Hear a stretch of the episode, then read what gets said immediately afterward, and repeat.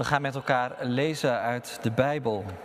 En we lezen dan inderdaad een brief van Paulus, een fragment uit een brief van Paulus aan de gemeente in Filippi. En Emiel zal met ons dit gedeelte lezen. Filippenzen 1, vers 27 tot en met 2, vers 18.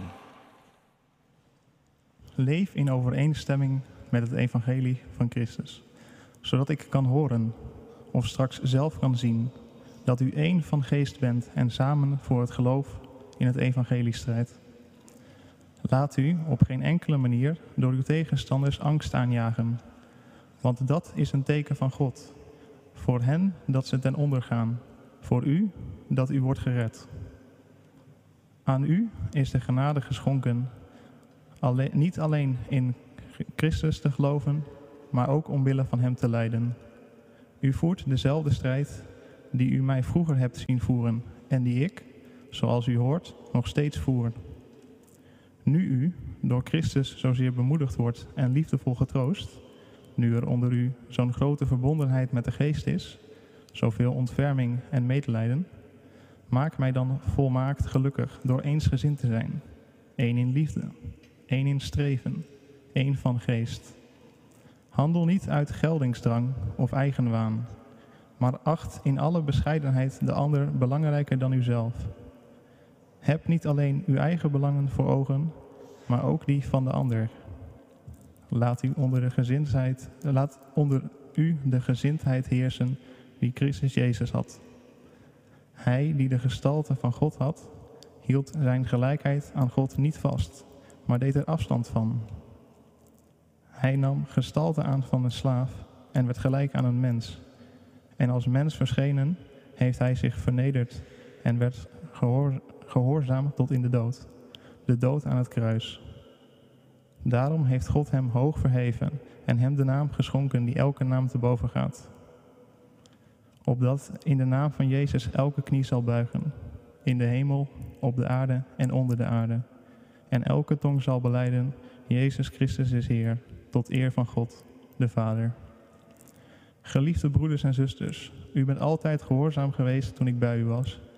Wees het des te meer nu ik niet bij u ben. Blijf u inspannen voor uw redding en doe dat in diep ontzag voor God. Want het is God die zowel het willen als het handelen bij u teweeg brengt, omdat het hem behaagt. Doe alles zonder morren en tegenspreken, opdat u zuiver en smetteloos bent. Onberispelijke kinderen van God, te midden van een verdorven en ontaarde generatie, waar tussen u schittert als sterren aan de hemel. Houd daarbij vast aan het woord dat leven brengt. Dan kan ik op de weg van Christus trots zijn, omdat ik me niet voor niets heb ingespannen en afgemat. Ook al zou mijn bloed als een offer worden uitgegoten, samen met het offer dat u brengt door de dienst van uw geloof, toch ben ik vol vreugde, samen met u allen. Wees dus ook vol vreugde, samen met mij. Dankjewel. De tekst voor de verkondiging, zometeen, voor de preek, is gekozen uit dit gedeelte. En dan vers 12 en 13. En die versen lees ik nog een keer met jullie. Geliefde broeders en zusters, u bent altijd gehoorzaam geweest toen ik bij u was. Wees het des te meer nu ik niet bij u ben. Blijf u inspannen voor uw redding. En doe dat in diep ontzag voor God. Want het is God die zowel het willen als het handelen bij u teweeg brengt, omdat het Hem behaagt. En die tekst die kwam eigenlijk voorbij toen we met elkaar op weekend waren in, uh, in Klooster Nieuw-Sion. We lazen twee hoofdstukken uit Onversneden Christendom van Lewis. En aan het einde van het tweede hoofdstuk dat we lazen, brengt hij deze tekst te berden. En we hebben daar nog eens wat op zitten kouwen. En het is eigenlijk een tekst die gaat over inspanning aan de ene kant. En aan de andere kant ook over ontspanning. Mooi hoe die twee eigenlijk in één vers samenkomen. Het gaat over vrucht, zou je kunnen zeggen. Vrucht dragen en daar ook je best voor doen. Eh, maar het gaat tegelijkertijd over genade en van genade leven. Weten dat het God is die het werkt. En daarom gaan we daar met elkaar nog eens over nadenken. Dat is een les voor jullie, maar het is een les voor ons allemaal. Hoe staan wij eigenlijk in het geloof? Kennen we de inspanning en kennen we de ontspanning?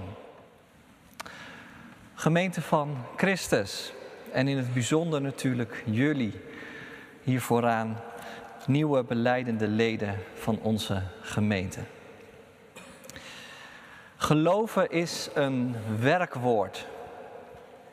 Dat moet je doen. En dat moet je oefenen. Klinkt misschien een beetje activistisch. Maar goed, eigenlijk lijkt het wel dat Paulus dat hier toch echt zegt. Blijf je inspannen voor je redding. Er is werk aan de winkel. En jullie, in eerste plaats natuurlijk gelovigen in Filippi, jullie mogen ermee aan de slag. Een beetje alsof Paulus hen oproept om een abonnement op een sportschool voor de geest te nemen. Jullie moeten aan de slag met een geestelijke workout. Als je tenminste geestelijk fit wilt zijn en blijven. En vanmorgen horen we die woorden mee met Paulus en proberen we te kijken wat Paulus precies bedoelt. Hij zegt heel veel. We kunnen ook echt niet alles aanraken. Maar ik heb in ieder geval drie tips gedestilleerd uit het stukje dat ik met jullie las, uit die twee versen. Drie tips om geestelijk fit te blijven. En als late lezers van die brief krijgen jullie, maar wij allemaal die drie tips mee. Iets van adviezen voor een gezond geestelijk leven. En het eerste advies dat Paulus dan geeft, heeft te maken met het voorbeeld dat jij hebt in je leven. Het eerste advies is dit: kies het juiste voorbeeld. Iemand die je helpt om de juiste keuzes te maken als een soort coach, zeg maar. Wie geeft je het juiste voorbeeld en, en wie moedigt je aan? Nou, voor de christenen in Filippi is dat heel erg lang Paulus zelf geweest. Blijkt bijvoorbeeld uit het begin van vers 12. Paulus zegt: Geliefde broeders en zusters, toen ik bij jullie was, hebben jullie altijd mijn voorbeeld gevolgd. Met andere woorden, het was Paulus geweest die hen scherp had gehouden op geloofsgebied. Zo werkt dat soms, hè? dat je elkaar scherp houdt. Maar nu is hij weg en als je de hele brief leest, dan kom je erachter dat hij zelfs ergens in de gevangenis zit. Dus voorlopig terugkomen zal hij wel niet. Maar dat mag voor de gelovigen in Filippi geen reden zijn om het nu dan maar wat rustiger aan te gaan doen. Juist omdat jullie altijd mijn voorbeeld hebben gevolgd, moeten jullie je nu blijven inspannen voor je redding. Afgelopen seizoen hebben wij elkaar als groep bijna elke twee weken gezien. Meestal hierachter in de consistorie. Soms in de vrieskou, maar gelukkig werd het langzaam maar zeker wat warmer. En een heel aantal van jullie vertelde mij dat je het eigenlijk wel fijn vond, zo'n ritme van eens in de veertien dagen samenkomen en samen praten over het geloof. Echt even de tijd nemen om met dat soort dingen bezig te zijn, van elkaar te horen en van elkaar te leren. Heerlijk, zo'n ritme. Maar vanaf vandaag zit dat erop. En dat is misschien wel jammer. En sommigen van jullie gaan misschien nog wel door met elkaar op een kring. Goed idee.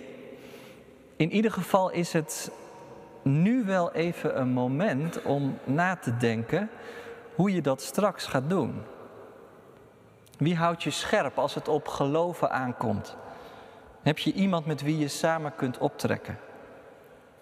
Als je interviews met ervaren atleten leest of ziet, dan gaat het eigenlijk heel vaak over hun persoonlijke coach of trainer. Hun succes is vaak te danken aan de toewijding van iemand anders die hen altijd support en hij, die dicht bij hen is. Was hun coach heel vaak, die hen op cruciale momenten hielp om vol te blijven houden. Dat maakte nou net het verschil. Dat er iemand is die ziet wat je doet en hoe je het doet. En die je zo nu en dan eens uitlegt hoe het beter kan. En, en als het misgaat, dat zo iemand dan zegt: hou vol, geef niet op. Ik doe het je nog een keer voor. Iemand die geduld heeft met jou. Dus een voorbeeld, maar er is hier nog wel iets anders aan de hand ook. Want nu Paulus zelf niet meer in de buurt is, nu verwijst hij niet door naar een andere apostel of zo. Misschien heeft Apollos wel tijd. Nee, eigenlijk zegt hij dit. Ik heb toen ik bij jullie was eigenlijk niet veel meer gedaan dan doorverwijzen naar iemand anders. Dan jullie te wijzen op Jezus Christus. En weet je, nu ik bij jullie weg ben, nu is het misschien wel de tijd rijp om, om Hem helemaal als voorbeeld te nemen. Het voorbeeld dat ik je gaf is ook maar geleerd. En iets eerder in de brief, en we hebben dat ook gelezen, heeft Paulus daar heel mooie woorden aan gewijd. Ik heb jullie van alles en nog wat over Jezus laten zien, maar ik heb je vooral duidelijk willen maken hoe je Hem kunt volgen. Je mag zelfs op Hem gaan lijken. Vers 6. Laat onder jullie de gezindheid heersen die Jezus Christus had. Wie geeft jou het goede voorbeeld? Paulus zegt, laat het Jezus zijn. En Paulus heeft het dan over die Jezus die zich in het evangelie steeds opnieuw als een echte trainer en coach heeft opgesteld. Jezus zegt het keer op keer. Twee korte woorden, maar vol diepgang. Volg mij. En die leerlingen die worden niet voor niets leerling genoemd. En ze noemen Jezus niet voor niets hun meester. Volg mij.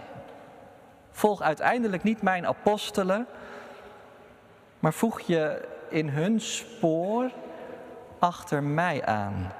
Ik ga voorop. En als je mij volgt, dan kan dat er soms toe leiden dat je de dingen heel anders gaat doen dan je altijd deed. Want let wel, ik geef je soms verdraaid lastige oefeningen mee. Eén voorbeeld, die keer dat Jezus de voeten gaat wassen van zijn leerlingen. Zij hadden net nog ruzie gemaakt over wie van hen de meeste was. Maar Jezus gaat in dat soort dingen niet mee. Hij zet bijna alles op zijn kop. Hij wordt hun dienaar. En vervolgens zegt hij tegen hen: Ik heb jullie een voorbeeld gegeven en nu moet je dat voorbeeld volgen. Volg mij. En zo zijn er nog veel meer voorbeelden die hij gegeven heeft. Volg mij. En blijf je zo inspannen voor je redding. Nou, dat is dus het eerste. Kies het juiste voorbeeld. En laat dat dan Jezus Christus zijn. En dat brengt bij een tweede tip. Want inderdaad, we zagen er al iets van, Jezus volgen is niet gemakkelijk. En inderdaad, Jezus volgen vergt inspanning. En het vergt oefening. En soms begrijp je helemaal niet goed waarom hij de dingen deed zoals hij ze deed. Of waarom de dingen nu gaan zoals ze gaan. Als je de weg van het geloof gaat, dan zijn de vragen echt niet zomaar verdwenen. Sterker nog, het lijkt wel alsof er dan steeds weer nieuwe vragen bijkomen. Grote vragen kwamen ook het afgelopen seizoen wel voorbij. Maar ook kleinere vragen, gewoon vragen uit je persoonlijk leven, dingen waar je tegenaan gelopen bent of steeds weer tegenaan loopt. Iemand van jullie zei, geloven gaat echt over mijn hele leven. Ik kom daar nog meer en meer achter. Geloven, ja, dat gaat eigenlijk over elke dag. En over alles wat ik doe. C.S. Lewis zegt ergens, als je lastige vragen uit de weg wil blijven, dan is het makkelijker om niet te geloven. Maar als je gaat geloven, dan komen de vragen. En toch, Toch hebben we door al die vragen heen, denk ik, het afgelopen seizoen ook een andere kant ontdekt. Een andere kant van het geloof. Dat geloven een levenshouding is. Een gestalte. Geloven is vertrouwen. En dat je vanuit die houding het leven gaat. Dat is een houding die aan de ene kant het verstand niet uitschakelt, maar die aan de andere kant ook altijd weer open staat voor het verrassend nieuwe perspectief, voor een andere kijk op de dingen. Ook al begrijp ik niet alles, zei een van jullie, dit weet ik inmiddels wel, God is er. En Hij is op mij betrokken. En dat is genoeg. Nou ja, zo'n geestelijke houding vraagt oefening, dat begrijp je wel. Inderdaad, een geestelijke workout. Dat je ermee aan de slag blijft. En wees er dan maar van overtuigd. Als je dat durft, dan zul je steeds meer gaan ontdekken van wie God is. Dus dat is de tweede tip. Stop niet met oefenen. Eigenlijk zegt Paulus dat ook met zoveel woorden in de tekst. In de MBV-vertaling is het een beetje weggevallen, maar, maar hij gebruikt eigenlijk het woordje werken. Dat zie je in oudere vertalingen ook terug.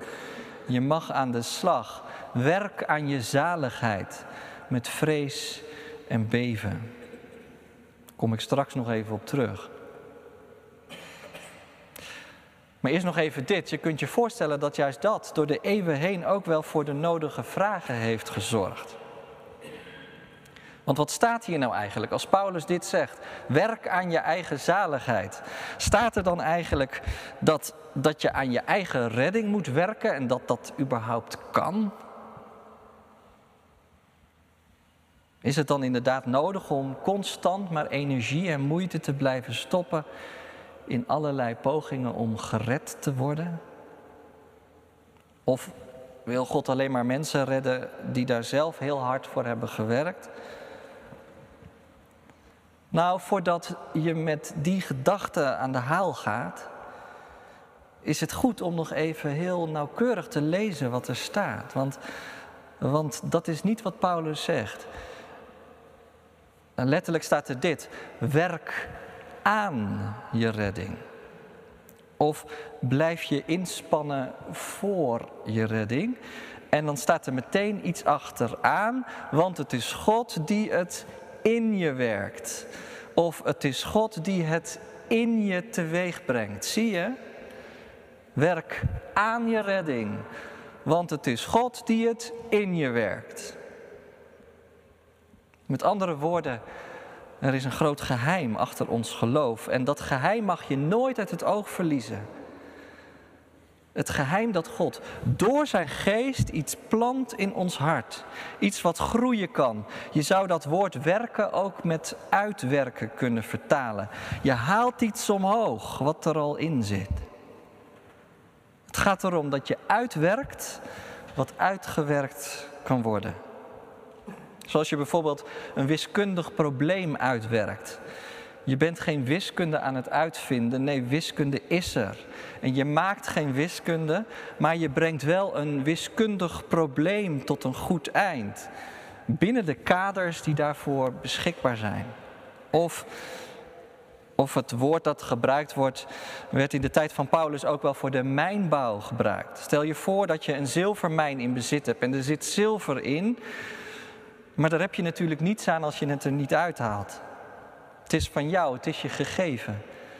Maar je moet het nog wel omhoog halen. Of laatste voorbeeld, stel dat je een prachtig muziekstuk hebt gekregen. En je speelt een muziekinstrument en de partituur ligt voor je op tafel. Schijnt een prachtig stuk te zijn.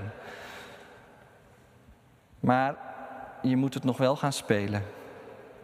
Het is jouw taak om het echt goed te laten klinken. En om je talenten te gebruiken om het helemaal tot leven te brengen. Weet je, die Bijbel en dat geloof, daar zit muziek in, echt. En wat Paulus eigenlijk zegt is, blijf je inspannen voor je redding. Die muziek die staat vast, die redding die staat vast. De Bijbel schrijft daar prachtige dingen over. En dan mag jij je daarvoor inzetten. Nou, als je dat zo bedenkt, dan snap je wel dat die inspanning en dat werken heus niet per se een hele zware opdracht hoeft te zijn. Dat je met lood in je schoenen aan de slag moet. Nee, het is werken aan je redding. Iets waar je echt plezier in kan hebben. Omdat je door te oefenen erachter komt wie God is. Omdat je Gods reddende kracht in je leven voelt en ervaart. Omdat je groeit. Ontspanning door inspanning. Je weg ligt voetig gaan. Ik vind dat zo'n prachtige tekst. En dat dat kan. Wandel door de geest, zegt Paulus. Dat stukje dat we lazen uit de Galatenbrief. Je mag je inspannen voor je redding. Door de ene voet voor de andere te zetten en zo je weg met God te gaan. Heel actief. Gods toekomst tegemoet. En dat brengt dan tenslotte nog bij een derde tip. En dat is het volgende. Blijf even in sportschooltermen. Sta je niet blind op de spiegel. Wat bedoel ik daarmee? Nou, misschien herken je het wel dat sommige mensen tijdens een workout heel veel met de spiegel bezig zijn. Ze zijn verliefd op de spiegel en vooral als ze er zelf in staan. Mensen die precies weten hoe het moet en ze zien er fit uit. Je hebt ze in de sportschool, maar eerlijk gezegd ook in de kerk. Mensen die precies weten hoe het moet en er geestelijk fit uitzien. Maar Paulus ziet dat als een valkuil. Dan heb je het toch nog niet helemaal begrepen. En daarom voegt hij aan zijn oproep iets toe. Blijf jezelf inspannen voor je redding, maar doe dat in diep ontzag. Niet voor je eigen kunnen, maar voor God. Dat vrees en beven, weet je, wat net al even voorbij kwam. Werk aan je zaligheid met vrees en beven. Is dat sterke taal? Nou, eigenlijk wel. Maar komt Paulus hier dan nu toch op te proppen met een God waar je bang voor moet zijn? Nee, dat niet. Het is Paulus niet te doen om een God die ons klein wil houden. Geen liefdevolle coach, maar een genadeloze slavendrijver of zo. Nee, dat niet. Dat wil Paulus absoluut niet zeggen. Als hij het heeft over ontzag voor God. Dan bedoelt hij niet dat je bang voor God moet zijn. Maar wat hij wel wil zeggen is dat je de dingen in het juiste perspectief moet zetten. Dat is eigenlijk wat geloven altijd is. Dat de dingen in het juiste perspectief komen te staan. En dan zeg je, God is God en wij zijn mens. Zonder mij, zegt Jezus ergens, kun je niets doen. Zonder mij kun je ook niet groeien. Zonder mij komt er van jouw geestelijke workout echt niet zoveel terecht. Je moet dus niet in de spiegel kijken naar jezelf, maar je moet omhoog kijken naar dat voorbeeld uit het begin, weet je wel. Naar God, die alles in jou werkt. En dan zijn we eigenlijk terug bij het begin. Inderdaad, bij dat voorbeeld waar Paulus steeds op gewezen had bij Jezus Christus. Laat onder jullie de gezindheid leven en heersen die Jezus Christus had. Wat had hij dan gedaan? Nou, hij had de gestalte van God, maar hij deed daar afstand van. En hij werd gelijk aan een mens en werd gehoorzaam tot in de dood. Tijdens het afgelopen seizoen hebben we dat ook een heel aantal keer gezien. Dat als je Jezus Christus ziet, dat je dan het scherpst kunt zien wie God is. En dan valt meteen één ding op, namelijk dat we in Christus niet alleen een voorbeeld hebben, maar ook iemand die gedaan heeft wat wij uiteindelijk nooit kunnen doen. Want, want Jezus gaat verder waar wij moeten stoppen. En omdat hij ooit zo ver is gegaan dat de dood overwonnen werd, wil Hij niet alleen als voorbeeld in ons leven aanwezig zijn, maar is die er ook als je struikelt of als je valt. Want Hij is die weg gegaan die jij soms niet kunt. Het evangelie zegt, dan is hij er juist. En dan tilt hij je weer op en dan zet hij je weer op de been. En als je die genade meer en meer gaat zien, dan groeit vanzelf het ontzag.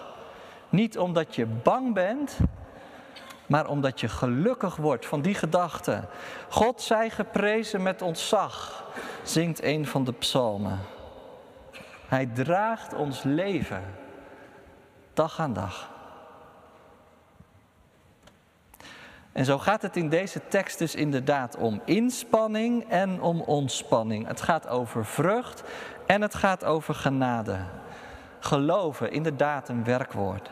Je moet het doen en je mag het oefenen en dat mag je met plezier doen. Maar ook met ontzag voor God, die zich in Christus liet zien en die het geloof door zijn geest in ons hart werkt. En zo voegen jullie je vanmorgen in een spoor dat al eeuwenlang door de wereld wordt getrokken. Zo'n gebouw als dit laat dat ook wel zien. Eeuwenlang wordt Christus hier al beleden. Waarom? Nou, omdat dat is hoe God werkt. Hij werkt het geloof in mensen. En steeds opnieuw gaan mensen ernaar verlangen om Jezus te volgen. Dat is het geheim van Pinksteren. De geboorte van de kerk. Jezus had het zelf gezegd en hij had het zelf beloofd. Ga maar op weg. En houd dit voor ogen. Ik ben met jullie. Alle dagen. Tot aan de voltooiing. Amen.